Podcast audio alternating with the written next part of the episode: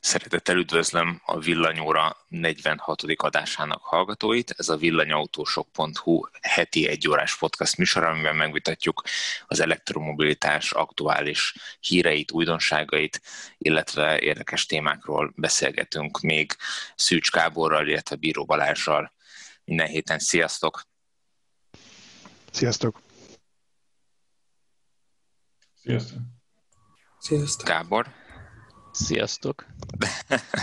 így, így lemaradtunk is. Ma van két vendégünk is, az ABB Magyarországi lányvállalatától, Sárvári Tamás, a, és most puskáznom kell a, a, a, a, a energetikai üzletág, az ABB energetikai üzletágának kereskedelmi vezetője, illetve Konrád János értékes értékesítés támogató mérnök. Na, ebbe jobb belezavarodtam. Sziasztok, üdvözöllek benneteket a villanyórában. Sziasztok, üdvözlünk mi is minden nézőt, hallgatót. Sziasztok, jó reggelt mindenkinek. Mielőtt rátérünk a, a témákra, szokásos módon uh, hírekkel kezdenénk, vagy hát fontosabb hírekkel, de most ezen a héten ezek is kapcsolódnak a, a, az ABB-hez, hiszen most volt tegnap előtt, ugye ez az adás, ez kivételesen péntek reggel készül most, pénteken veszük föl, szerdán volt az elektromos járművek világnapja, a World EV Day, aminek, amit idén szerveztek meg először, és az ABB az alapító támogatója ennek a programnak. És, és ennek kapcsán volt egy, egy mini konferencia, ahol elhangzott néhány újdonság a mivel az államtitkár úr dr. Kaderják Péter is vendége volt ennek a konferenciának. De mire erre rátérünk, meg kell említenem, hogy ahogy a korábbi villanyóráknak is, ennek, ennek az adásnak is a támogatója MOL Plagi, Közép-Kelet-Európa legnagyobb autópályás eltöltő hálózata. A, a múlt héten volt vendégünk Tóth Fekete Robert, a MOL csoport alternatív üzemanyagokért felelős vezetője, aki uh, elég sok érdekességet elmondott erről a szolgáltatásról, hogyha még nem hallgattátok, akkor mindenképpen érdemes megnézni, meghallgatni az előző adást.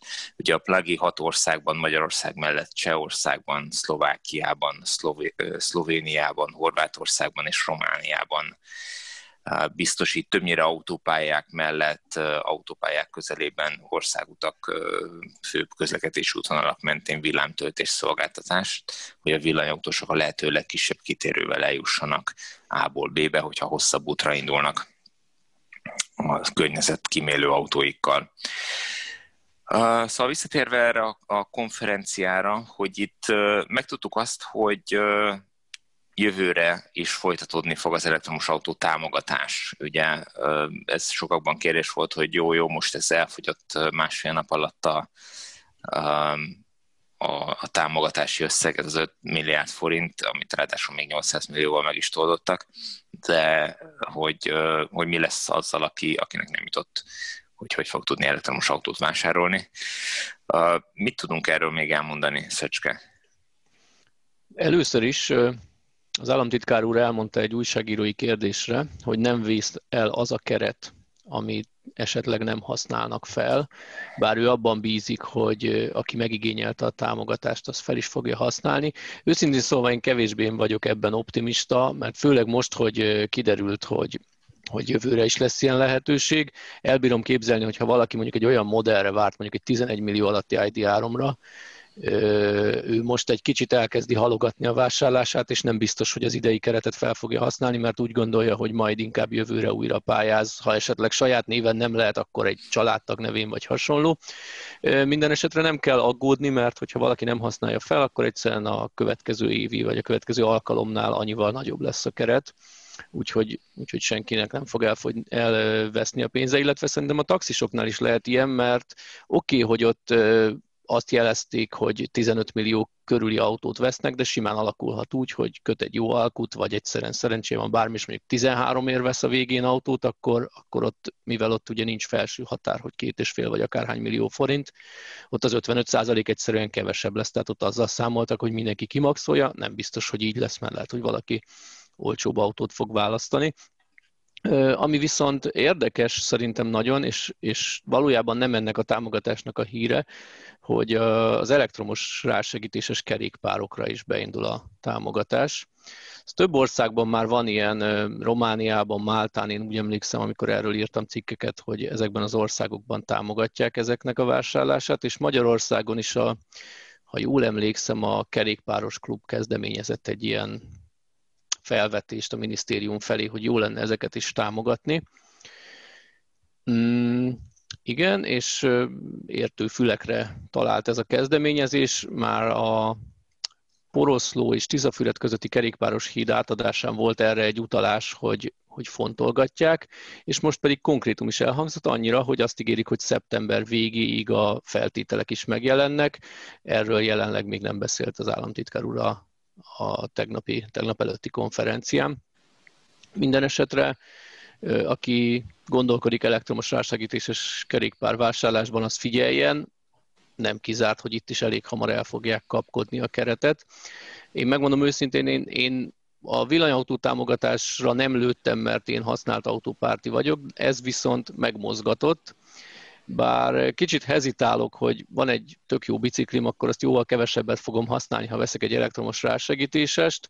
Ugyanakkor ott van az, hogy pont olyan életszakaszban vagyok, hogy a kisgyerekeket a csomagtartón cipeljük meg mi, és ez nekem egy kicsit csalódás, hogy közel sem bírok olyan napi túratávokat bevállalni, mint ezelőtt öt évvel. Úgyhogy így, így én magam is fontolgatom, úgyhogy mindenképp fogok erről majd mindig aktuális cikkeket írni, mert hogy figyelem a piacot saját önző szempontból is. Úgyhogy én úgy gondolom, hogy, hogy érdemes lesz majd figyelni a villanyautósok.hu annak is, aki elektromos kerékpárokban gondolkodik. Egyelőre konkrétumokat ugye nem tudunk, hát ezeknek az ára elindul olyan 200 ezer forinttól körülbelül a csillagos égig, nyilván azok már ilyen profi hegyi biciklik, tehát nem ilyen utcai, városi, esetleg közepes hosszú távú túrákra alkalmas bicajok de tényleg több millió forintos bicikliket is lehet kapni. Az előzőekből kiindulva, illetve az elektromos autós támogatásból kiindulva szerintem arra lehet számítani, hogy bizonyára lesz itt valami felső határ, akár értékhatárban, akár a támogatás összege maximalizálva lesz. Úgy gondolod, hogy 11 millió forintba fogják megszabni a határt? Így van, így van, szerintem két és fél milliót adnak maximum biciklinként 11 millióig. Kerékpáros klub valami olyasmit kért, illetve javasolt, ha jól emlékszem, hogy 30 százalék, maximum 200 ezer forint, amivel szerintem úgy jól bele is lőnek a, a piaci átlagban, mert azért ezek a 200 ezer forintosok ezért, ezek elég rövid távra alkalmasok, ezek inkább ilyen boltba járós kategória, és olyan félmillió forint körül vannak azok a kerékpárok, amivel már azért így túrázni is el lehet menni, egy ilyen 50-60 kilométert képesek. Nyilván a domborzattól és a beállított rásegítési fokozattól függően támogatni a tekerőt. Minden esetre érdekes, érdekes lesz, úgyhogy figyeljétek a Ezek tudnak visszatölteni, ezek a kerékpárok? Hát ez egy jó kérdés. Szerintem igen tudnak. Ami ezekkel a kerékpárokkal egy komoly probléma, egy, egy felületes kutatásom alapján rájöttem, hogy a középmotoros kategória, ami a legelterjedtebb mindenféle szempontból az a jó, annak van egy olyan hátránya, hogy ha lemerül az akku, akkor onnantól nincs szabadon futás benne, tehát te a villanymotort is pörgeted, amikor tekered. Innentől én úgy gondolom, hogy ez eleve garantálja, hogy állandóan a hajtásban van a villanymotor a visszatöltést, mert hát ha pörgeted, akkor nyilván az nem csak dísznek terheled ott, viszont cserébe, ha lemerültél, akkor nagyon nehéz vele hazatekerni, hogyha a tervezett túra a vége előtt lemerülsz, úgyhogy rászoktat a spórolásra, vagy hogy kisebb rásegítést használj. Viszont az első és hátsó kerékagyba beszerelt motoroknál ott van szabadon futó fokozat, de valamiért ezek kevésbé, kevésbé terjednek, illetve az olcsó kategóriában jellemzőek, de, a, de az ilyen prémiumabb kategóriában inkább a középmotorosra koncentrálnak most. Úgyhogy mindenképp érdemes lesz ennek a témának alaposabban utána nézni. Én is tervezem, és fogok róla írni, úgyhogy Hát annak ellenére, hogy a site neve villanyautósok, tehát nem csak villanyautóról lesz szó, hanem elektromos kerékpárokról is, hogyha, enne, hogyha eljön az idő. Szerintem volt itt már eh, akkumulátoros fűnyíró is. Jó voltamból, úgyhogy eléggé kitágítottuk ezeket a határokat. Igen, igen. A hét másik eh, érdekes híre, vagy említést érdemlő híre az a titkos találkozó a Tesla és a Volkswagen vezér között. Még derültek ki erről? Menet közben, vagy esetleg valaki Kezdeném nem azzal, amiért kaptunk oltást, hogy micsoda titkos találkozó ez, amiről még a mi oldalunk is tud. Természetesen nem ez a része volt titkos, mert ez így körbejárta a sajtót, hanem hogy mi hangzott ott el. Illetve hát nem volt előre bejelentve. Ugye úgy történt, hogy Elon Musk Németországba töltötte a talán a múlt hetet, azt hiszem, és a hivatalos program szerint csütörtökön este indult volna haza, földiszállt a gépre, ugye a megfelelő helyeken ezt monitorozzák, hogy merre jár a gépe, elindult Berlinből. Ez nagyon, nagyon beteg, bocsánat, ez nagyon beteg, Abszolút hogy nagyon beteg. csatorna van. Oh, igen, valaki meg is jegyezte nekem, mennyi időm van ezt figyelni, nem kell ezt nekem figyelni, van egy Twitter csatorna, és akkor az jelez. Szóval a lényeg az, hogy, hogy földiszállt a gépre, aztán 26 perc múlva leszállt nem műszaki hiba miatt, hanem a Volkswagen főhadiszállásától 20 percre lévő repülőtéren, és később kiderült, hogy 2 órát töltött. Az egyébként este volt ilyen 3.9-től 3.12-ig. Két órát töltött a repülőgép hangárban Herbert Dísz társaságában, és hogy miről beszélgettek, azt a mai napig nem tudjuk. Dísz azóta már kiadott egy közleményt, vagy talán LinkedIn-re írta ki, hogy nincsen semmifajta megállapodás készülben, senki ne agyaljon ezen valószínűleg megbeszélték az aktuális problémákat, meg egymás termékeit. Azt tudjuk, hogy, hogy Musk egyébként vezette az ID3-at, gyakorlatilag, gyakorlatilag ott a reptéren belül egy kicsit erről készült egy videófelvétel is, úgyhogy ott nagyjából annyi volt, hogy nagyon udvariasan megdicsérgette is az autót, utána pedig pár nappal később díszrakott ki egy olyan fotót, ahol a Model Y mellett áll, és hogy ő is vezette érdekes, mindenképpen hogy mondjam, kicsit ez, a, ez az úrisport kategóriának tűnik, tehát ez a, ez a nem tudom én, a ultra foci drukkerek kontra Forma egy, így tudnám jellemezni, hogy a Forma 1 még senki nem gyújtotta fel a, fel a lelátót azért, mert a másik csapat nyert. Tehát ez is kicsit ilyen, hogy, hogy így egymás így nagyon udvariasan megdicsérik, meg, meg elbeszélgetnek, ezt mindenképpen jó látni, hogy nem, nem köpködnek egymásra, meg nem, nem tudom én, ilyen pengeváltások mennek Twitteren keresztül. Hogy lesz-e tényleg megállapodás a két cég között, azt nem tudom.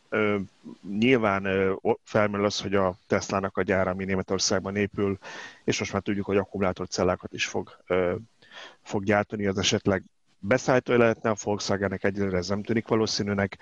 Elméleti szinte lehetne beszélgetni a Tesla Supercharger hálózatnak a kiterjesztéséről a Volkswagen csoportra, nem tudom a Teslának miért érné meg, hogy a saját előnyüket így feladják ezzel, de természetesen van az a pénz.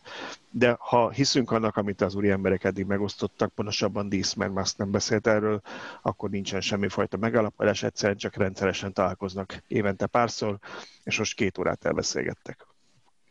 Igen, nekem ez nagyon úgy tűnik, hogy ez csak egy sima ilyen egymás tisztelete jellegű beszélgetés, meg az, hogy, hogy nagyjából egyformán gondolkodnak az elektromobilitás jövőjéről, és számomra ez inkább csak egy üzenet, hogy a Volkswagen is elindult és fölismerte, hogy, hogy ebbe az irányba kell menni, és hogy, hogy Dísz, aki a, a koncern élén áll, ő ezt ebbe az irányba próbálja terelgetni. Nyilván egy sokkal bonyolultabb összetételű szervezetről beszélünk, mint amit Musk vezet, tehát nem annyira egyszerű egy irányba fordítani, meg hát sokkal nagyobb is, de, de szerintem ez egy, ez egy jó üzenet mindenkinek, hogy ők, ők jóban vannak és egyformán látják a világot.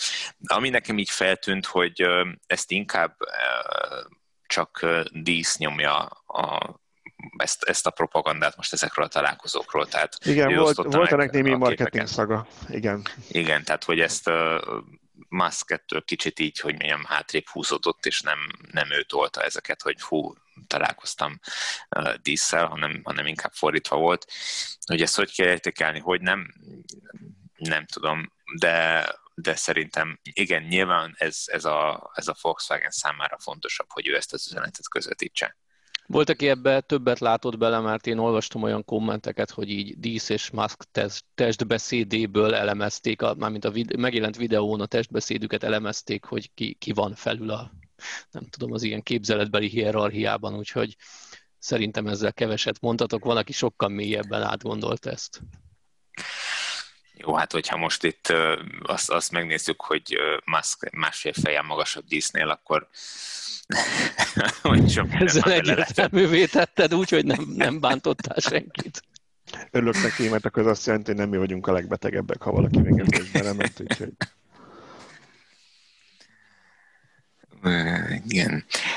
Egy érdekes anyagunk nekünk is volt még ezen kívül a héten.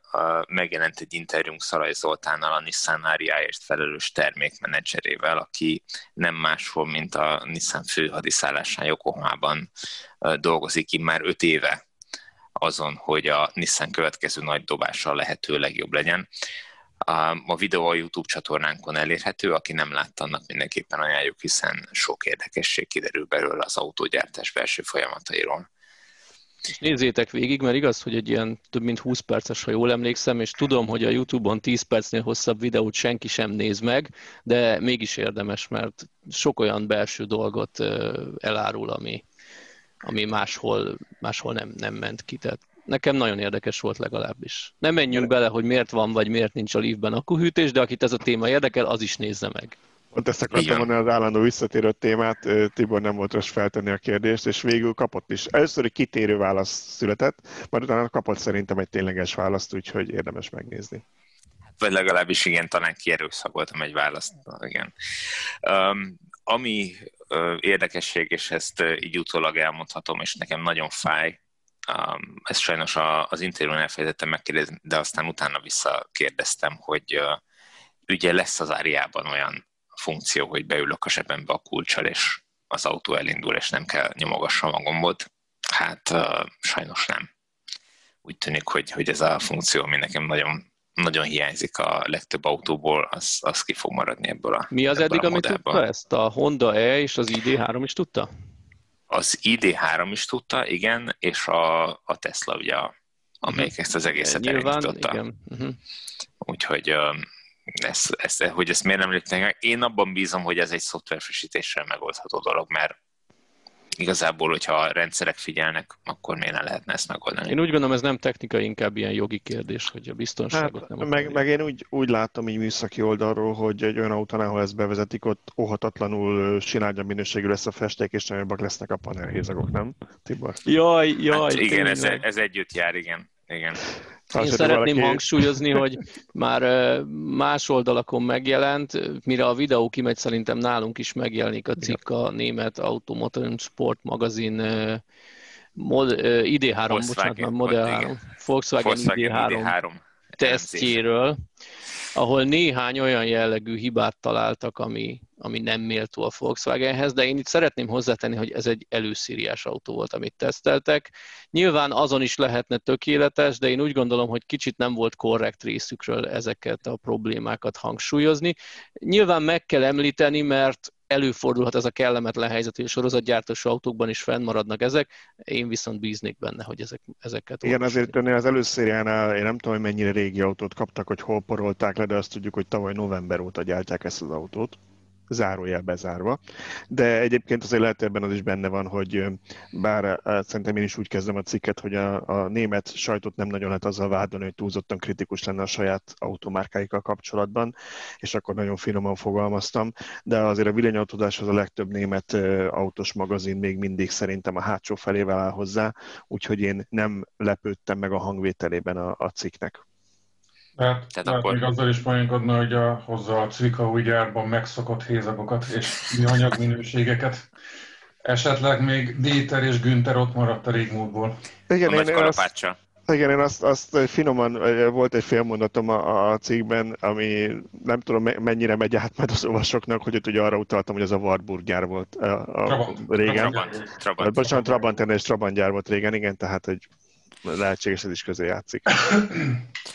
Igen, itt, tehát akkor ezek szerint azt mondod Balázs, hogy a, a hangvétel, meg a hozzáállás inkább a villanyautónak szól, és, és nem annak, hogy a, az előző két oldalon két oldalas Tesla hirdetés van alapban. igen, igen, valószínűleg emiatt. Oké. Okay. Na, elnézést, hogy így, így megvárattalak benneteket, Tamás és János. Itt ezeket a témákat kicsit át akartuk beszélni, de térjünk át akkor az ABB-re be kell valljam, hogy én az ABB-ről azelőtt, hogy elektromos autót vettem, nem is igazán hallottam. Így, nyilván ott, ott volt, hogy ez valami nagy vállalat valahol, és valamit csinál, de közvetlen kapcsolatban soha nem kerültem um, a, a, a céggel, meg a termékeivel, pedig a maga területen az ABB az egyik legnagyobb cég a világon. Mi ez a terület? Tamás, be tudnád ezt kicsit mutatni, hogy mivel foglalkozik meg az ABB a töltőgyártáson kívül? Igen, igen, igen. Sokszor mi is tapasztaljuk, hogy elmegyünk valahol és bemutatkozunk, hogy ABB-től jövünk, és akkor esetleg azonosítják az ABB-t egy, egy robottal, egy robotika üzletek termékével, vagy mondjuk egy nagy transformátorral, de mondjuk az ABB egy óriási széles skálával rendelkezik mindenféle berendezésgyártásban. És az ABB a világ egyik vezető iparvállalata,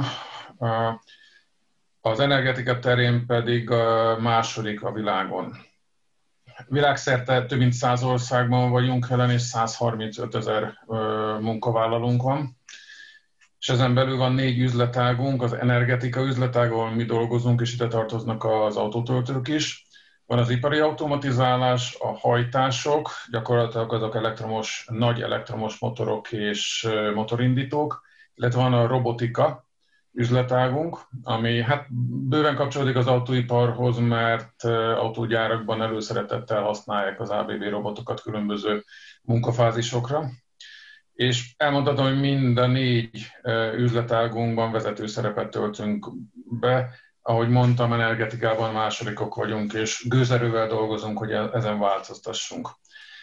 A Kitérnek akkor a mi üzletágunkra, az energetikákra, energetikára. Gyakorlatilag, hogyha egy nagyon rövid mondatba foglalnám össze, akkor kis feszültségű és közép feszültségű elosztóberendezéseket gyártunk. Ez így önmagában iszonyatosan száraz információ, de inkább úgy fordítanám át, hogy a, az utolsó kis villanykapcsolótól gyártunk termékeket 40,5 kV-ra, ami hálózati elosztásban játszik szerepet. Ezek a berendezéseket épületekbe, naperőművekbe, adatközpontokba, kórházakba, stadionokba szerelik be, és még ide tartozik természetesen az e-mobilitás. Akiknek mi ezeket eladjuk, azok vagy berendezésgyártók, akik az elosztó szekrényeket gyártják, vagy villamos kivitelezők, akiknek már egy kompletten legyártott terméket adunk el, és nekik csak be kell helyezniük és bekapcsolni. Vagy áramszolgáltatóknak elmű, EON, RVE, nekik szoktunk eladni. És ha kitérünk az elmobilitásra, akkor a skálától függően a legkisebb termékünk, ami egy ilyen otthoni autótöltésre alkalmas, azt lehet direktben is megvenni tőlünk, tehát erre szakosodott cégek vásárolják, vagy disztribúción keresztül is. E, a nagyokat pedig e, tényleg erre szakosodott cégek, akik telepítik is, e, használják és üzemeltetik, veszik meg, vagy elindult a, a busztöltő fejlesztés, illetve ez az elektromos busz hálózat kiépítése. Itt majd számítunk a, a városüzemeltetésre, vagy a buszüzemeltetőkre, BKV-ra, DKV-ra, MKV-ra, egyéb ilyen szolgáltatókra. Magyarországon kb. 30 éve alakult meg az ABB, 1200 helyszínen már több mint 50 ezer berendezést adtunk el és telepítettünk, és most 1600 fővel dolgozunk Magyarországon. Az fontos kiemelni, hogy mind a négy üzletágunknak nem csak kereskedői vannak, akik szerte az országba mennek és adják el a terméket és, és promotálják az egészet, hanem a helyi értékesítő csapat mellett van egy mérnöki támogatásunk, nagyon komoly mérnöki támogatás, amivel a megoldásokat tudjuk kidolgozni. Néha csak egy ötlet fut be hozzánk, és abból tudunk egy nagyon szép projektet összehozni a, a megrendelővel. És ami még nagyon fontos, van egy szerviz csapatunk, ami a nap 24 órájában rendelkezésre áll. Tehát nem csak ők azok, akik elmennek, letelepítik a berendezést és, és elindítják gyakorlatilag, hanem az a berendezéssel bármi probléma van, akkor egy telefon után 24 órán belül ki tudunk szállni. Ez, ez fontos az elektromos autó töltésben is, mert ott is a berendezés telepítése után a nagyoknál be kell integrálni egy, egy hálózatba, ABB hálózatba, vagy, vagy egy backendbe a, a szolgáltatónál, és ha bármilyen történik, ami, ami helyszíni beavatkozást igényel, oda is szépen megy a csapatunk, és mi már nagyjából előre tudjuk, hogy esetleg milyen alkatrészt kell benne cserélni, és azzal száll ki a helyszínre, és, és, és javítják meg a töltőket. Az ABB az a, az a töltő fejlesztésben úttörő szerepet vállalt, úgy gondoljuk. Tíz éve jelent meg az első töltőnk, az első villámtöltőnk, és onnantól kezdve mi közösen fejlesztünk mind az autógyárakkal, mind az akkumulátorgyártókkal, illetve az utóbbi években nagyon belementünk az elektromos buszgyártókkal való kooperációba. Delftben, Hollandiában van az ABB-nek az elektromos autótöltő központja. Itt ez egy óriási, hát azt mondom, egy csarnok, aminek azért van jelentősége, pláne az utóbbi időben, mert a, a nagy töltőket, illetve a busztöltőket, főleg a pantográfos busztöltőket nagyon össze kell hozni, nagyon precízen együtt kell tervezni magával a buszgyártókkal és ez a fajta interkompatibilitási tesztet mi meg tudjuk csinálni Delftben. Tehát amikor kijövünk egy autóbusz töltővel, akkor el tudjuk mondani a, a szolgáltatónak, hogy együtt tud működni Mercedes busszal, egy MAN busszal, egy Neoplan busszal, vagy akár később majd egy, egy Magyarországon gyártott busztal is, mert természetesen annak is megcsináljuk ezt a tesztjét. Egy Igen, pillanatra hagyj szakítsanak. tudjuk végezni, bocsánat. Egy pillanatra hagyj szakítsanak meg titeket, csak hogy mindenkinek tiszta legyen, ugye beszéltél, hogy pantográfos töltő. Igen. Ez ugye az áramszedőt jelenti, ugye? Tehát mint a igen. trollin meg a villamoson. Igen, igen, igen. Pantográfos töltőből két fajtánk van, a magyarra fordítva a fentről le vagy a lentről fel. Ez azt jelenti, hogy a lentről fel ilyenkor a, a pantográfot, az áramszedőt a busz viszi magával, beáll egy, egy busz megállóba, és rácsatlakozik fölfelé a töltőre, vagy van a fentről le, amikor az állomáson letelepített töltőben van maga az a pantográf, és a busz csak alááll, és fentről a töltőből nyúlik ki ez, a, az áramszedő, és csatlakozik a buszra, és tölti. Ezek hogy melyiket választják. Igen, Igen. magyar, bocsánat. Én mit azt kezdem, hogy melyiket függ. választják a, a, a gyártók.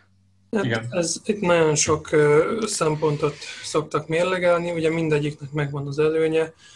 Nyilván egy, egy, egy fentről le megoldásnak ugye az a legnagyobb előnye, hogy nem kell a busznak cipelnie ezt a bizonyos súlyjal rendelkező áramszedőt. Ugye ezzel is tudnak megtakarítani esetleg akkumulátornak helyet, vagy hogy könnyebb legyen az egész jármű. A, a buszon lévő áramszedőnek pedig ugye az az előnye, hogy nem tudom, egy esetleges tehát meghibásodás esetén csak, csak az a jármű esik ki a, az egész infrastruktúrából. Most így hirtelen nagyjából ezt tudnám mondani a, a két megoldásnak az előnyére. Ezek milyen teljesítményű töltők? Mert ugye a villanyautóknál mi már úgy nagyjából szerintem a hallgatóink ismerik, hogy vannak az 50-es, 150-es, 350-es DC töltők. Egy ilyen busznál mit kell elképzelnünk? Hát a, a busztöltőnél a, az alacsony teljesítményű töltés a 150 kW, tehát onnan kezdünk, és akkor 600 kW-ig tudunk elmenni jelenleg. A legtöbb rendszer az most 400-450 kW-tal szokták megvalósítani, amik, amik most mennek például Hamburgba, vagy, vagy Belgiumba. És ezeknél az a lényeg gyakorlatilag, hogy abban az egy-két percben, amit a busz egy megállóban töl, áll, töltsön olyan mennyiséget, ami, ami számottevő, ezért van itt szükség hatalmas teljesítményre. Tehát gondolom a, a buszok telephelyére nem ilyet tölt, telepítenek, vagy nem feltétlenül nagy teljesítményű, ott egész éjjel rá, ráérnek töltődni a buszok, viszont útközben a megállókban tudjanak rátölteni, hogy biztos elég legyen a napi futásra.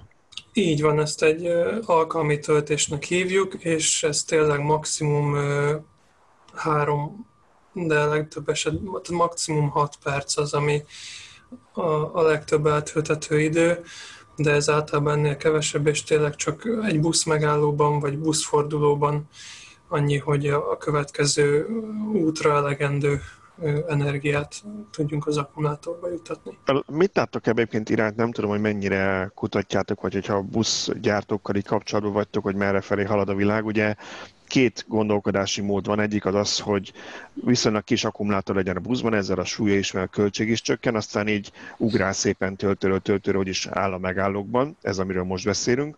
A másik meg az, hogy hát úgyis egyre olcsóbbak lesznek az akkumulátorok, a vége az, hogy akkor aksi lesz a buszokban, hogy elég neki a végállomáson tölteni, vagy esetleg naponta egyszer az ebédszünet alatt. Mit láttok most, merre felé halad a, a buszgyártás? Mindkettőre vannak most példák. Én, én úgy látom, hogy ennek még így próbálj, tehát ilyen tapogatózás megy inkább, hogy, hogy, hogy melyik a jobb. Biztos, hogy növekszik a hatótáv, tehát, hogy voltak 150 km hatótávú buszok, most már ugye ilyen 300-akról beszélünk inkább, amiket úgy biztonsággal üzemeltetnek, vagy így próbaképpen és azokat egyelőre éjszakai, vagy hát ugye a, a depó töltés, buszgarásos töltéssel töltik fel. Vannak ugye precedensek az alkalmi töltéses megoldásokra is. Jelenleg ez egy, ez egy nagyon gyorsan fejlődő ágazat, és hát meglátjuk majd, hogy, hogy merre fog tartani. Én úgy gondolom, hogy a nagy akuk nem fogják ezt a pantográfos rövid idejű töltést kinyírni, úgymond, amiatt, hogyha ahogy nőnek az akuk, úgy fognak egyre hosszabb távokra is elektromos buszokat alkalmazni. Tehát jelenleg mondjuk egy városba egy ilyen viszonylag rövidebb útvonal, ahol mondjuk napi 100-150-et fut a busz, ha viszont jó nagy akuk lesznek olcsón, akkor azért kell majd útközben rátölteni, mert akkor be fognak vállalni egy ilyen helyközi, jóval nagyobb futást végrehajtó buszt. Igen, szerintem én még annól olvastam egy, egy cikket a BKV vagy hát valamelyik alválkozó buszai kapcsán a klímáról. Talán emlékeztek, hogy pár éve még vita volt erről, hogy mikor indítják el a buszvezetők a klímát a buszon, és ez mit jelent. És valami olyasmi volt, aztán majd a kommentekben megcáfolják, hogy a hülyeségre emlékszem, hogy akár egy harmadával is nőhet ezeknek a dízelbuszoknak a fogyasztása, hogyha bekapcsolják a klímát.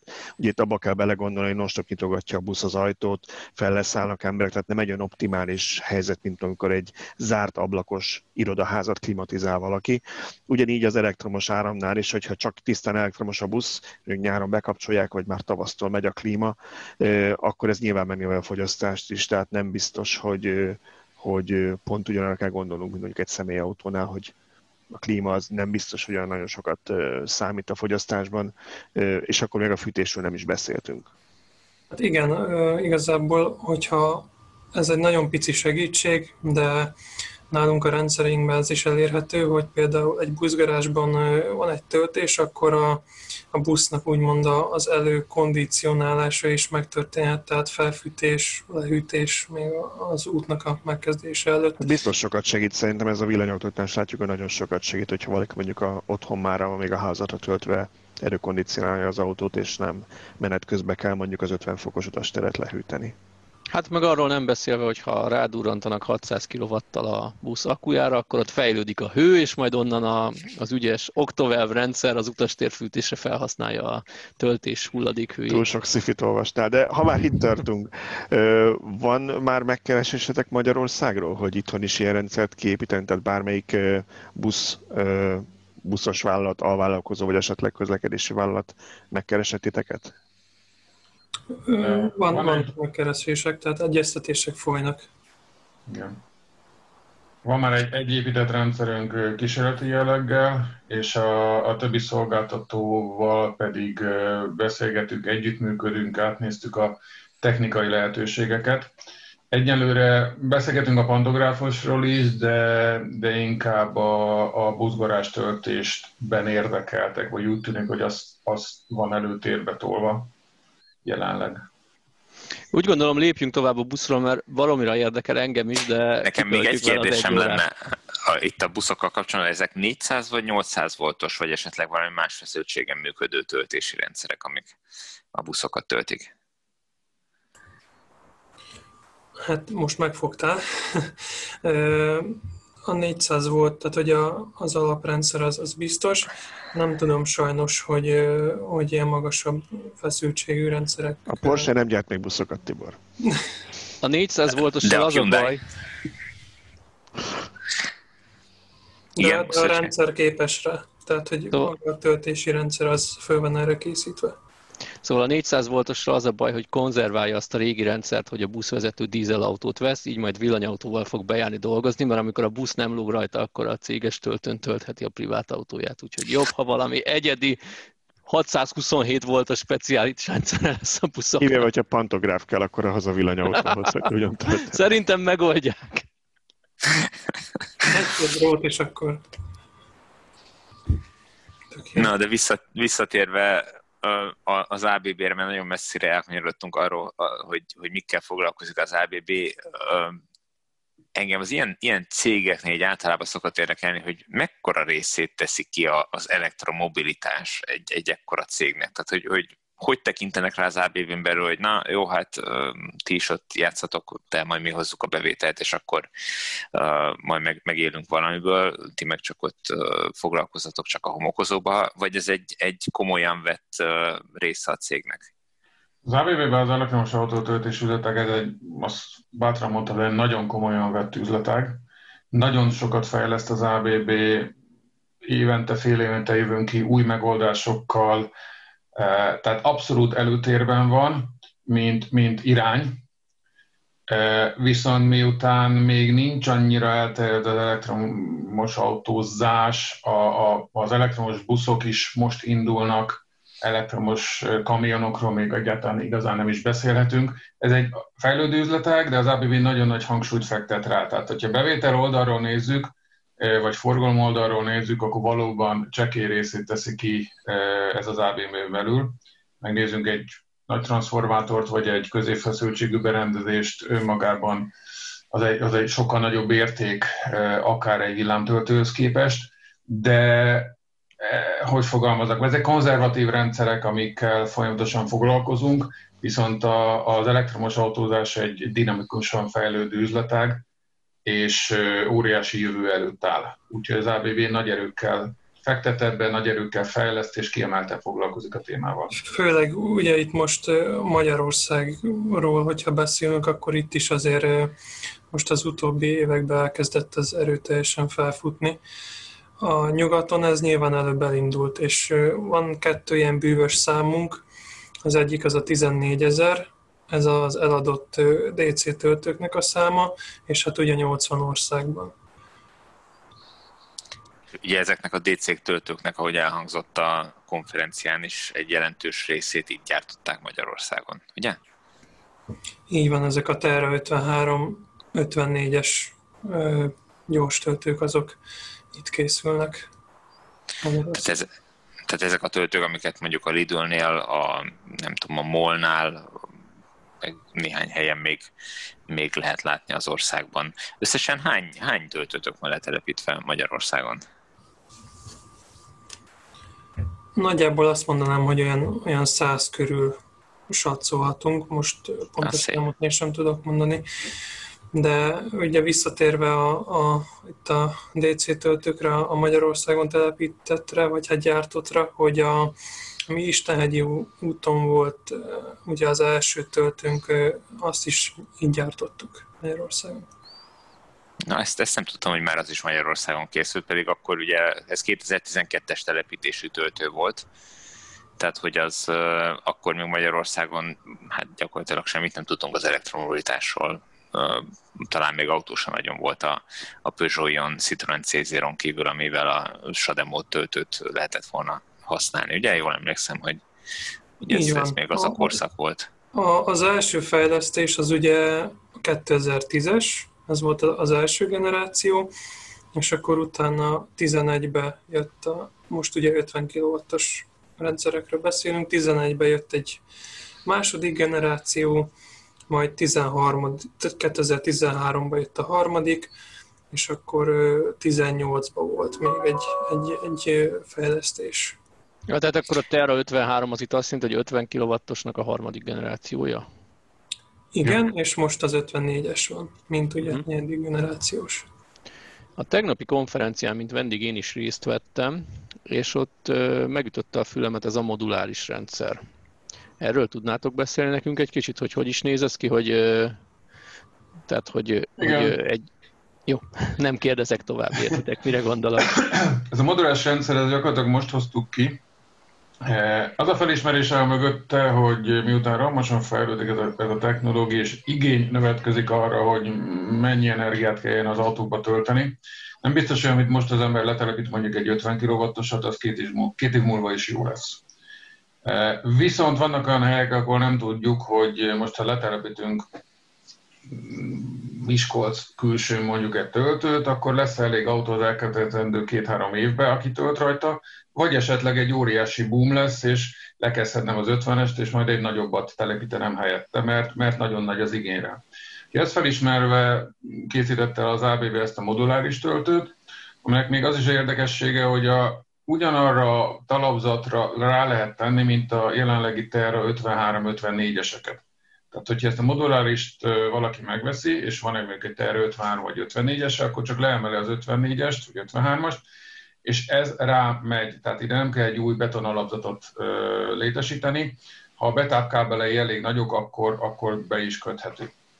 És ez indul 90 kW-ról, és bővítő modulokkal föl lehet menni 120 kW-ra, 180 kW-ra is akár. Tehát itt a szekrény az adott, az ugyanaz, ugyanúgy rajta vannak a töltőfejek, és csak egy bővítő modulokat kell szépen behelyezni, szoftveresen természetesen frissíteni, és innentől kezdve már egy nagyobb teljesítményt töltőjön az embernek.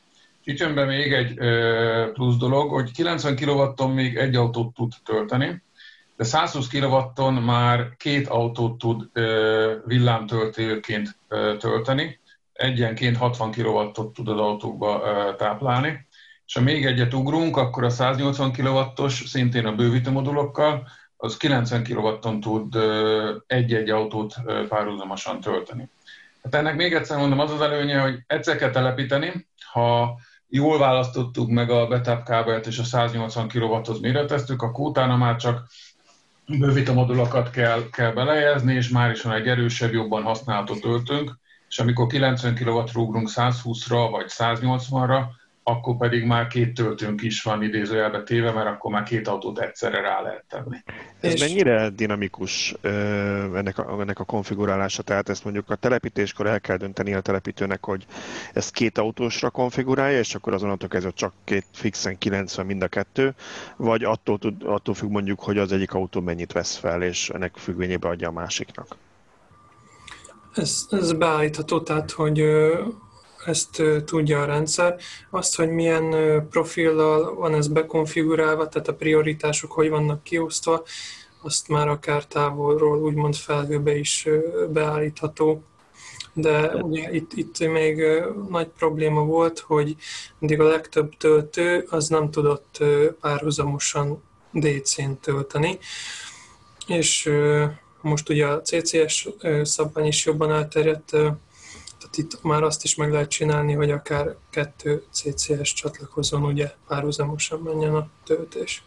Mhm, pont elébe mentél egy kérdésemnek, hogy az jelenleg nagy valószínűséggel egy sademos egy CCS karral kerül telepítésre, de később, ha mondjuk kikopnak a sademos autók, akkor át lehet alakítani két CCS-esre is ezek szerint. Így van, alapvetően bármilyen összeállítás elérhető, ugye Sademo CCS, két darab CCS uh-huh. Mhm. plusz, AC is lehet rajta ugyanúgy, mint ugye eddig az 50, 50 kW-os oszlopokon. És aszimmetrikusan lehet a teljesítményt megosztani? Tehát például Sademónál nem sok értelme van nagyon 50 kW fölé menni, mert nincs olyan autó, viszont CCS-nél érdemes lehet mondjuk 90 fölé, tehát, vagy, vagy 60 fölé menni. Tehát mondjuk, hogy 100, nem, egy 180 kW-ost meg lehet esetleg úgy osztani, hogy 60-at kap a Sademo, és többet 120-at a CCS kar. Ennek igazából szoftveres beállítási kérdés, meg lehet természetesen egy, egy, egy korlátot be lehet állítani a, a mhm. DC kimenetre, és akkor ez meg van oldva. És akár dinamikus is lehet ez, hogyha mondjuk az egyik autó megérkezik, elkezd tölteni, nem tudom én, 150 kW-tal, majd ahogy telítődik az akkumulátora, kevesebbet kér, akkor azt oda tudja adni a töbletet egy később érkező autónak, vagy ez, ez a töltésindítás pillanatában dől el? Inkább ez már ilyen energiamenedzsment rendszerrel kapcsolható össze. Ugye az ABB ability belül nekünk ugye erre is vannak megoldások. Ez ugye a töltővel kiegészítve ugye tud ilyen okos elosztásokat, tehát menedzsmentet megvalósítani. És ugye feltétel volt a bővítésnek, hogy legyen elég betáp. Mi, van, mi a helyzet akkor, hogyha nincs elég betáp? Esetleg ilyen akkumulátoros rendszerben gondolkodik az ABB, hogy akkumulátorral megtámogatni a, a töltőket, hogy ha nagyobb teljesítményre van szükség, mint amit a betáp oldalon ki tudnak szolgálni, akkor azt az akkumulátorból meg lehessen segíteni? Ugye ez egy, egy, ez egy teljesen létező probléma, rengeteg hely van, ahol nem áll rendelkezésre megfelelő beépített teljesítmény, illetve ugye nem akarnak hálózatot bővíteni, vagy nem is lehet. Például egy, egy elhagyatott, úgymond olyan benzinkút, vagy, vagy autópálya melletti hely, pihenő, ahol nincsenek, tehát nem adottak ezek a feltételek, de ez az energiatároló jöhet szóba, és igen, az ABB-nek erre is van megoldása, több kompakt rendszer is van, akár ez úgy is letelepíthető, hogy egyben van minden, tehát benne van az elosztási rész, az úgymond dobozba, konténerbe, van benne energiatároló és töltés, töltő is. Tehát, hogy ilyen komplet rendszerek és megoldások vannak. Az energiatárolókkal kapcsolatban jön majd ki előadásunk, azt mindenképpen érdemes lesz megnézni. Környezetvédelem kapcsán gyakran felmerülő kérdés, hogy mi lesz a villanyautókban elhasznált akkumulátorral. Itt ugye mi mindig mondjuk, hogy második életüket majd ilyen fix tárolóként élik napelemes rendszer mellett, stb. Én úgy gondolom, hogy ma még kevés az olyan elgyengült autóakku, hogy erre, erre egy komolyabb cég rárepüljön, és mondjuk ilyen második életet adjon az akunak, de van-e mondjuk kísérleti projektként, vagy a távlati tervekben ilyen megoldás, hogy nem tudom, egy gyártóval szerződést kötni, és a, az ő elbontott autóikból kivenni az 5-10 éves akukat, és akkor azokat helyben energiatárolóként használni? Igen, a fejlesztésre én sajnos jó magam nem nagyon látok rá, de ez mindenképpen egy, egy jó ötlet, és biztos vagyok benne, hogy a, a kollégák Hollandiában erre gondolnak, és lesz ilyen formája ennek az újrahasznosításnak, tehát hogy ilyen projektek is várhatóak. Mikor dolog, lesznek ami... ez? Igen? Bocsánat, magyar, magyar. Mond, mond Balázs. Az merült még csak fel bennem, és nem tudom, ezek mennyire publikus információk, hogy rátok bízom, hogy ezt most 10 millió forintra kerekítve, vagy csak szorzóval mondjátok el. Ugye az szokott felmerülni nálunk, hogy hogy vajon Magyarországon miért nincsen még elég sok 50 kW fölötti teljesítményű villámtöltő. Itt elő szokott jönni, amiről az előbb is beszéltetek, hogy, hogy ugye nincs meg a megfelelő betáp, az egy dolog, vagy ennek a kiépítése nagyon költséges, nem biztos, hogy minden lokáció megéri. A másik viszont maguk a töltőknek a költsége. Úgyhogy én arra lennék kíváncsi, hogy ha én egy szolgáltató vagyok, aki villámtöltőt akar üzemeltetni, akkor nagyságrendileg, mondom, akár 10 millióra kerekítve, akár szorzóval, mekkora többletköltség nekem, hogy 50-eshez képest egy 150-es vagy 350-es töltőt vásárolni tőletek? Hogy ez mekkora faktor mondjuk a, a döntésében egy ilyen szolgáltatónak? Hát azt nézem, hogy elkezdtük árazni már a, a nagyobbakat, tehát 50 fölötti ez a, ez a moduláris töltő. Én azt mondom, hogy van egy olyan másfélszeres egyhatos szorzó, de, de mondom, ott van az a nagy előny, hogy később aztán bővítgethető különböző modulokkal. E fölött viszont nem is becsülnék árat, mert ott tényleg attól függ, hogy mit szeretne a, a felhasználó. Erre fölött viszont már letelepített úgynevezett power moduljaink vannak, 175 kW-os power modul, ami önmaga egy kiszolgálhat egy külön ö, töltőoszlopot, de kettőt is lehet, akkor már 350 kW-ról beszélünk, oda már több oszlopot. Tehát az már egy akkora sakkozás vagy legózás, hogy arra igazán nem tudnék költségbecslést mondani. Viszont még kiemelnek két dolgot, amit a, a János is említett, ez a konténerezett megoldásunk. Sokat gondolkoztam a témán, és szerintem a, a tegnap előtt is említettem, hogy hol van szükség autótöltésre, jelenleg gyakorlatilag mindenütt, de lesznek olyan események, ahol jelenleg nincs autótöltő, vagy van egy átlagos számú autótöltő. Gondoljunk bele egy Forma 1-es futamra, amikor egy évben egyszer megy ki nagyon sok ember, vagy egy fesztiválra, nem csak a Sziget Fesztivál, bármelyik fesztiválra, eh, ahol egy egy, megjelenik egy igény pár napig, ó, majd jövőben sok elektromos autó töltésére, de aztán az igény szépen eltűnik, aztán lehet egy év múlva jelenik meg újra ez az igény. És erre szintén vannak a megoldásaink, amit János említett, egy komplet konténer beépítve transformátorral, védelemmel és autótöltéssel, akár tárolással is, amit ilyen helyeken szépen le lehet tenni, és öt nap múlva arra vinni egy következő helyszínre. Szerintem ennek is van, van létjogosultsága majd, meg ennek is van jövője. A, a másik, amit még említenék az ABB autótöltőkhöz, és elhangzott az a szó, hogy Ability. Az Ability az ABB-nek egy felhő, alapú monitoring rendszere. Az autótöltők is, az 50 kW és a fölöttiek is be vannak állítva és fel vannak kapcsolva a felhőbe. És ezt a, ennek mi az értelme, vagy miért csináltuk ezt? 24 órában monitorozzuk a, a nagy autótöltőinket, és nézzük a, a holland központból, ami azért jó, mert ha kisebb hibákat észrevesznek ott, és az algoritmus kidobja, mit kéne csinálni, a távolról meg tudja javítani, újra tudja indítani a töltőt, tud módosítani a szoftveres beállításon, hogyha kell. Üzemeltető gyakorlatilag észre se veszi, hogy a történt valami, csak az üzemeltető azt látja, hogy igen, folyamatosan van a töltőn, vagy kiesett egy percre, mert, mert újra kellett indítanom, de senkinek nem kell kimenni a helyszínre. És ugye erről van egy statisztika is, hogy nagyjából 80%-a ezeknek a problémáknak az, amit távolról meg lehet oldani, és 20% amin tényleges kiszállással jár, ugye. Ez azért egy nagyon nagy spórolás, úgymond. Nyilván Igen, és amikor tényleges kiszállásról beszélünk, akkor meg a, az, ez a rendszer detektálja, hogy melyik alkatrész lehet az, amelyiket kiszálláskor cserélni kell. Tehát nem az lesz, hogy valaki kimegy, bontja a töltőt, és mondjuk egy kondenzátor kiéget, hanem tudja, hogy azt kell vinnem, és azt kell kicserélni. Tehát ezzel is a állásidőt nagyon több, tudjuk csökkenteni. Én ezt, ez szerintem fontos egy, egy, egy szolgáltatónak. Igen, és itt ö, én még azt akartam kérdezni, hogy ez a, visszakanyarodva egy kicsit a, a moduláris töltőkről, hogy ezek mikortól lesznek elérhetők Magyarországon? Ezek elérhetők Magyarországon. Tehát ezeket már lehet rendelni, tehát ezeket hogyha szavakat tolnak. Már kiajánlottuk, igen. Már jött Szuper, rá, és... Már jött rá megoldás, már jött rá ajánlatkérés, és alternatív megoldásként ezt is bele, beleraktuk az ajánlatunkba. Tehát akkor számíthatunk rá, nagyon... hogy ezek... Bocsánat, mond csak Tibor. Tehát, hogy számíthatunk rá, hogy ezek hamarosan megjelennek a magyarországi helyszíneken is. A profita beszéljen belőled. Árban szerintem nagyon versenyképesek, hiszen egy duplánál kevesebb árat mondtál rá, és gyakorlatilag két autót ki tud szolgálni, tehát olyan, mintha az ember venne két darab 50-es töltőt. A 90-esre, ami viszont még nem tud kiszolgálni, a 120-as majd ki tud, azt föl lehet mhm. bővíteni, vagy már magát 120-asnak megvenni. Uh-huh.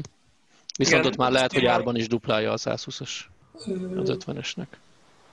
Igen, tehát hogy nyilván úgy van kialakítva, hogy ez így úgymond jobban megérje, mint ahogy ugye bármilyen dologgal, ami ugye, amit nagyobban vagy nagyobb tételben veszünk, és ugye a 90-esnél még azért nem működik ez a megoldás, mert akkor 245 lenne, jobb, jobbnak láttuk azt, hogyha a 120-asnál akkor már 260 az mégis egy picit több, mint az 50, de nem kevesebb, mint a 45. Igen, igen. Mágos. Itt ö, többször elhangzott így, hogy a nagyobb töltők vannak bekötve, a nagyobb töltőket monitorozzátok. Ugye ebből rögtön adódik, hogy, hogy vannak kisebb töltők is az AVB kínálatában.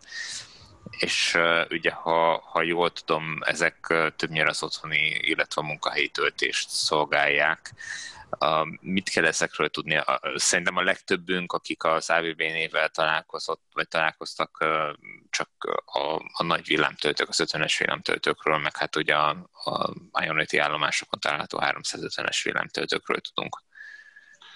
Igen, korábban is voltak kisebb fali töltőink otthoni töltésre, irodaházakba, vagy akár utcára, vagy társasházakba is. Az évelején vezettük be ennek a családnak a legújabb tagját, a Terra AC Wallbox nevű AC töltőnket. Ez 22 kW-os töltő. Amit tudni kell róla, ez egy, nagyon, nagyon, ez egy kicsi doboz, egy letisztult dizájnnal rendelkező kicsi doboz, két kiló összesen egyébként, és gyakorlatilag mind a kezelhetősége, mind a felszerelhetősége, minden arra van tervezve, hogyha valaki ezt megveszi, akár önmaga is fel tudja szerelni. A interneten, YouTube-on fent van róla egy felszerelési videó, gyakorlatilag 5 perc alatt fel lehet fúrni a far, és hogyha már ki van hozzáépítve a, a, a betáp, akkor csak be kell kötni, és már lehet is használni. Ez, mint egy single töltőt felszerelve, ez, ez abszolút így működhet. Viszont működik úgy is, hogy egy irodában mondjuk egy 16 töltőt felraknak egymás mellé ilyen AC-t, és szintén szoftveresen be lehet rajta állítani különböző prioritásokat, mondjuk négy töltő legyen mindig az első rangú, és hogyha valaki odáll, akkor azokkal, azokra kapjon nagyobb energiát, de hogyha azok már nem vesznek fel, akkor lehet a többire is, vagy be lehet abszolút demokratikusan állítani, hogy minden, mindegyik ugyanannyit vegyen föl. Tehát szépen el lehet vele játszani, és applikáción keresztül lehet látni, hogy mi történik. Lehet látni, hogy most éppen tölt, nem tölt, van-e hibája, nincs hibája, lecsatlakozott róla az autó, feltöltötte. Tehát mind az elindítását, mind a monitorozását az ember a telefonján e, tudja, tudja nyomon követni. Ez az egyik megoldásunk. A másik megoldásunk pedig a, a Terra DC Wallbox, ami egy DC fali töltő, 22 kW-os az is, de az már DC, tehát nagyobb teljesítményeket tud átvinni.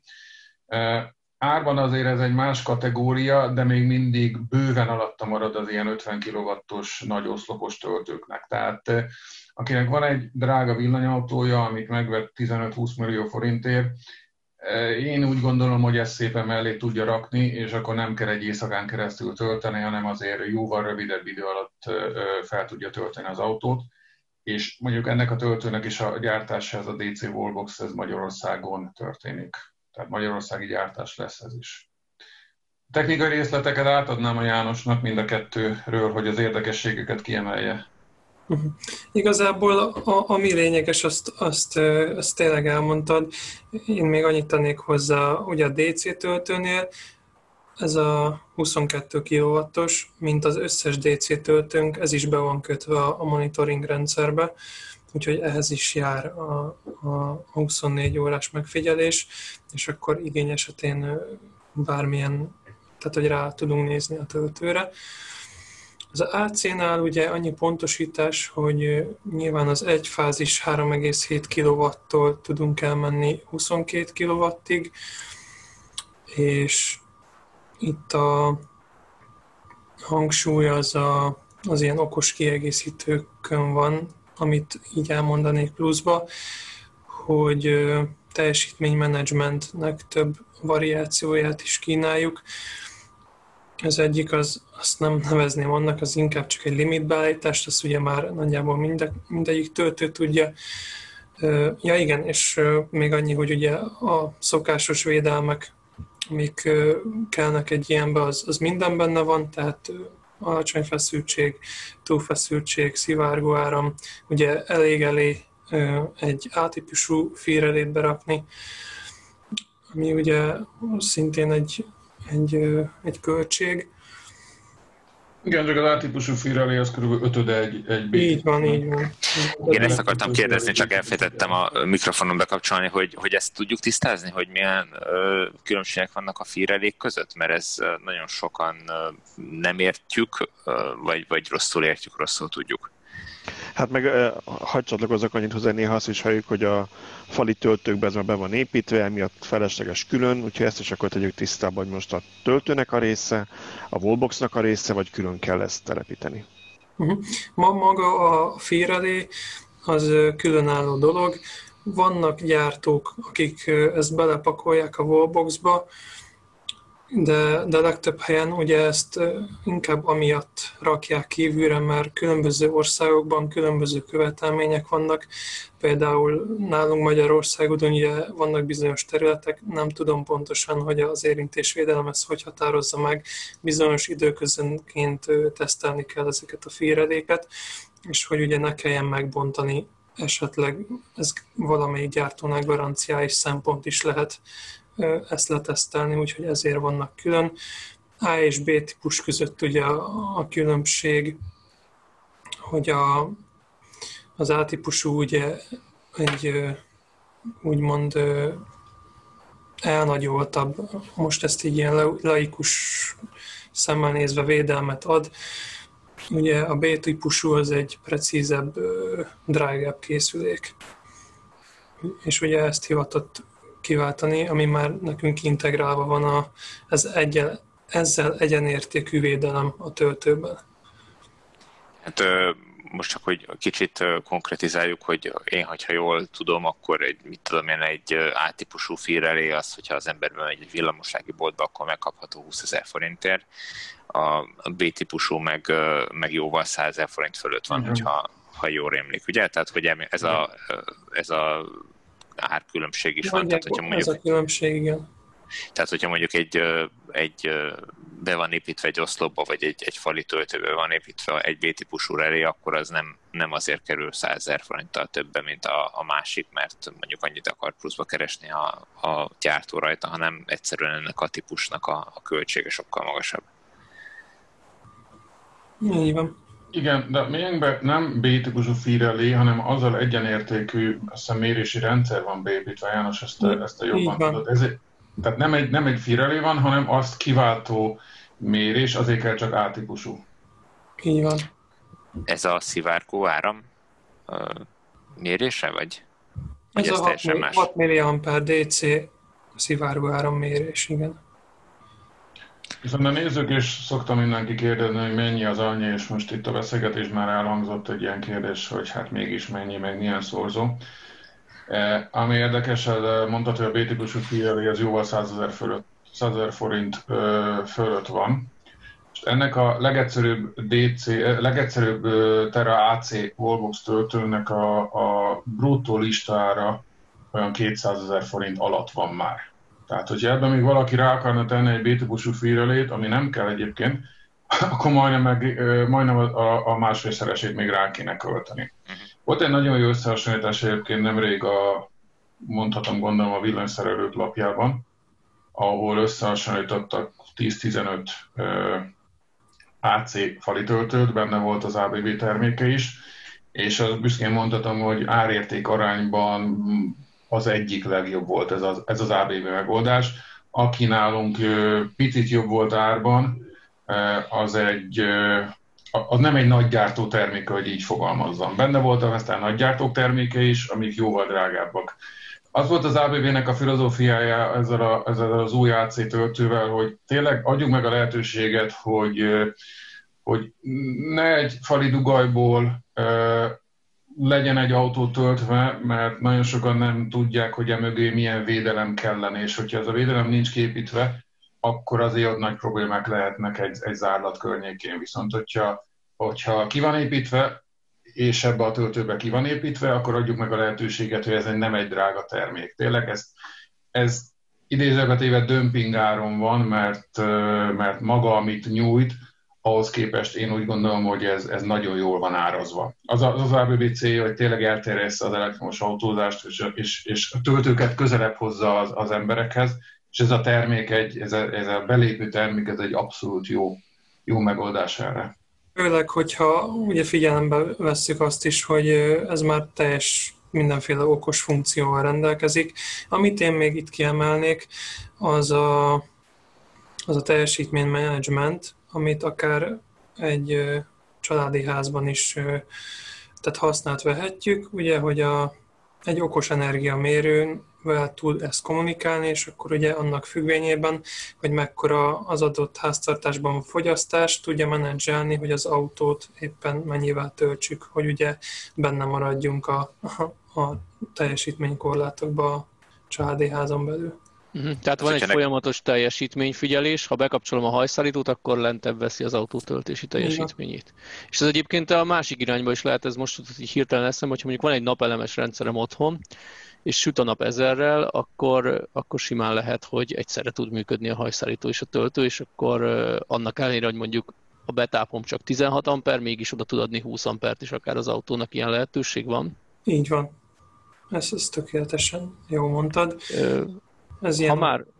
Bocsánat, mond.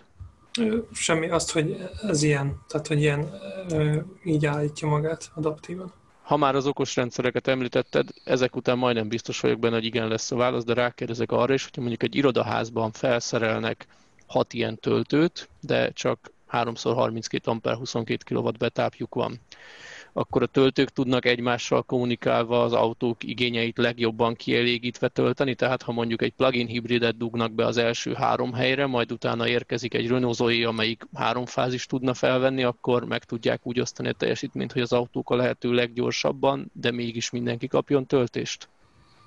Így van. Röviden, kicsit részletesebben meg ez konfigurálható, hogy pontosan milyen prioritások legyenek. A, van hozzá egy webes elérésű szoftverünk, amiben ugye, hogyha az adott üzemeltető, vagy hogy például egy irodaháznak a, a vezetője belép, be lehet állítani prioritási csoportokat ugye, hogy magasabb, alacsonyabb, és akkor ennek megfelelően az oda csatlakozott autókat így szolgálja ki a rendszer. És uh, akkor ezek szerint létezik valószínűleg ehhez ilyen RFID alapú azonosítás is, tehát hogyha uh, beérkezik a munkavállaló, akkor az RFID kártyával tudja nyitani, leállítani a, a töltést, és akkor mindig azonosítható, hogy ki mennyit töltött, feltételezem. Így van, RFID azonosítás az a leg praktikusabb jelen esetben. A szoftver, amit az előbb említettem, abban pedig ez nyomon is követhető, hogy ki mennyit töltött, illetve ezek az RFID kulcsok úgymond virtuálisan föltölthetők egy egyenleggel. Tehát ez attól függ, hogy hogy szeretné megoldani a, az irodaház vagy egy ilyen létesítmény az elszámolását. Szuper, a HR osztály kap a kezébe egy remek eszközt, hogy óvatosan rúgja ki létszámleépítéskor az embereket. Én csak az autómtól kapok majd egy e-mailt, hogy leállt a töltésem. És akkor mehetek kérdezni, hogy miért állt le. Hát, mert már nem dolgozol itt. Igen, az irodaháznál engem egy picit jobban érdekel ennek a társasházi felhasználása. Van erre is példátok esetleg?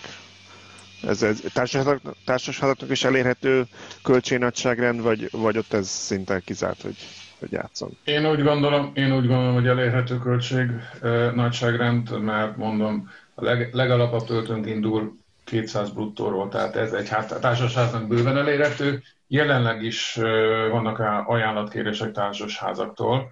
Az utóbbi egy-két hónapban beindult ez a vonal is. És akkor jön, itt a, jön. a töltőn kívül kell telepíteni egy külön szervet, vagy egy külön vezérlőegységet, vagy ez a töltő közvetlenül, ha van internet kapcsolat, akkor a felhőn keresztül, a, a, a ti rendszereteken keresztül tudják megosztani a, mondjuk az áram, elérhető áramteljesítményt. Kicsit másabb a felépítés, mint a DC-nél, tehát hogy itt automatikusan nem kapcsoljuk őket egy monitoring rendszerben. Ehhez, hogyha van valamilyen ugye ilyen menedzsment-szerű igény, akkor ehhez ugye a webes szoftver az, ami, ami ebben segítséget tud adni. Ezekhez ki kell építeni UTP kábelt, vagy Wi-Fi-n kommunikálnak? Mind a kettő lehetséges. Igen, már csak a Wi-Fi kell a mélygarázsba, úgy érzem. Igen, Igen ez problémás a, a vasbeton födémen néha. Igen, a mély garázsokban ez, ez problémás, és valószínűleg se segítene sok helyen, hogyha ha a SIM-kártya lenne benne. Hát igen, ez egy, ez egy érdekes kérdés, hogy ezt, ezt hogy tudják megugrani a, a mély garázsok, meg a társasházi parkolók. Ezért kell az UTP is bele. Igen, igen, igen, igen. Hát uraim, nem tudom, hogy maradt-e még más témánk, lassan elérjük az egy órát, vagy már túl is léptük. Ha nem, akkor köszönöm szépen, hogy velünk folytatok ma, és köszönöm a hallgatóknak is, hogy a villanyórát hallgatták. Egy olyan kérésünk lenne, hogyha még nem tettétek meg, akkor azon a felületen, ahol hallgatjátok ezt az adást, Apple Podcast vagy Spotify, értékeljétek, lájkoljátok a műsort, hogy minél több emberhez eljusson a híre, illetve a YouTube-on is várjuk a a thumbs up, vagy nem is tudom, hogy hogy mondják ezt magyarul, a, a, a pozitív Magyarul úgy mondják, hogy lájkokat. Így lájkokat úgy mondják, hogy lájkokat. Igen. Jó, akkor, akkor lájkoljátok bennünket a Youtube-on, és kérlek, hogy minél több emberhez eljusson. Most már elég sokan hallgatjátok, talán többen hallgatjátok, vagy nézitek Youtube-on, mint a, a podcast csatornákon, bár a podcast csatornát elég nehéz mérni de, de úgy tűnik, hogy, hogy, hogy sokakat érdekel ez a téma, vagy ezek a témák, amikről itt minden héten beszélgetünk, úgyhogy megköszönnénk a segítséget, hogyha ha minél több emberhez eljutatnátok ezt a podcastot. Tamás János, köszönöm szépen, hogy velünk voltatok. Um, mi is köszönjük a lehetőséget. Így van, mi is köszönjük, hogy beszélgethettünk. És akkor bízom benne, hogy majd hogy lesz a jövőben is lehetőség erre. A jövő héten más témával fogjuk folytatni a villanyórát. Sziasztok! Én még így búcsúzól biztatnám a hallgatókat, hogy tegyék fel a kommentekben a kérdéseiket, ami az ABB-vel, töltéssel kapcsolatos. Nem amiatt, hogy majd a résztvevők válaszolnak rá ott, hanem hogyha úgy látjuk, hogy rengeteg kérdés érkezik, akkor meghívjuk őket és megvitatjuk a felmerülő kérdéseket. Abszolút jó ötlet, támogatom. Én is egyértelműen ezt szívesen várjuk akkor mindenféle kérdést. Igyekszünk akkor megválaszolni esetleg. Sziasztok! Sziasztok! Sziasztok! Sziasztok! Sziasztok!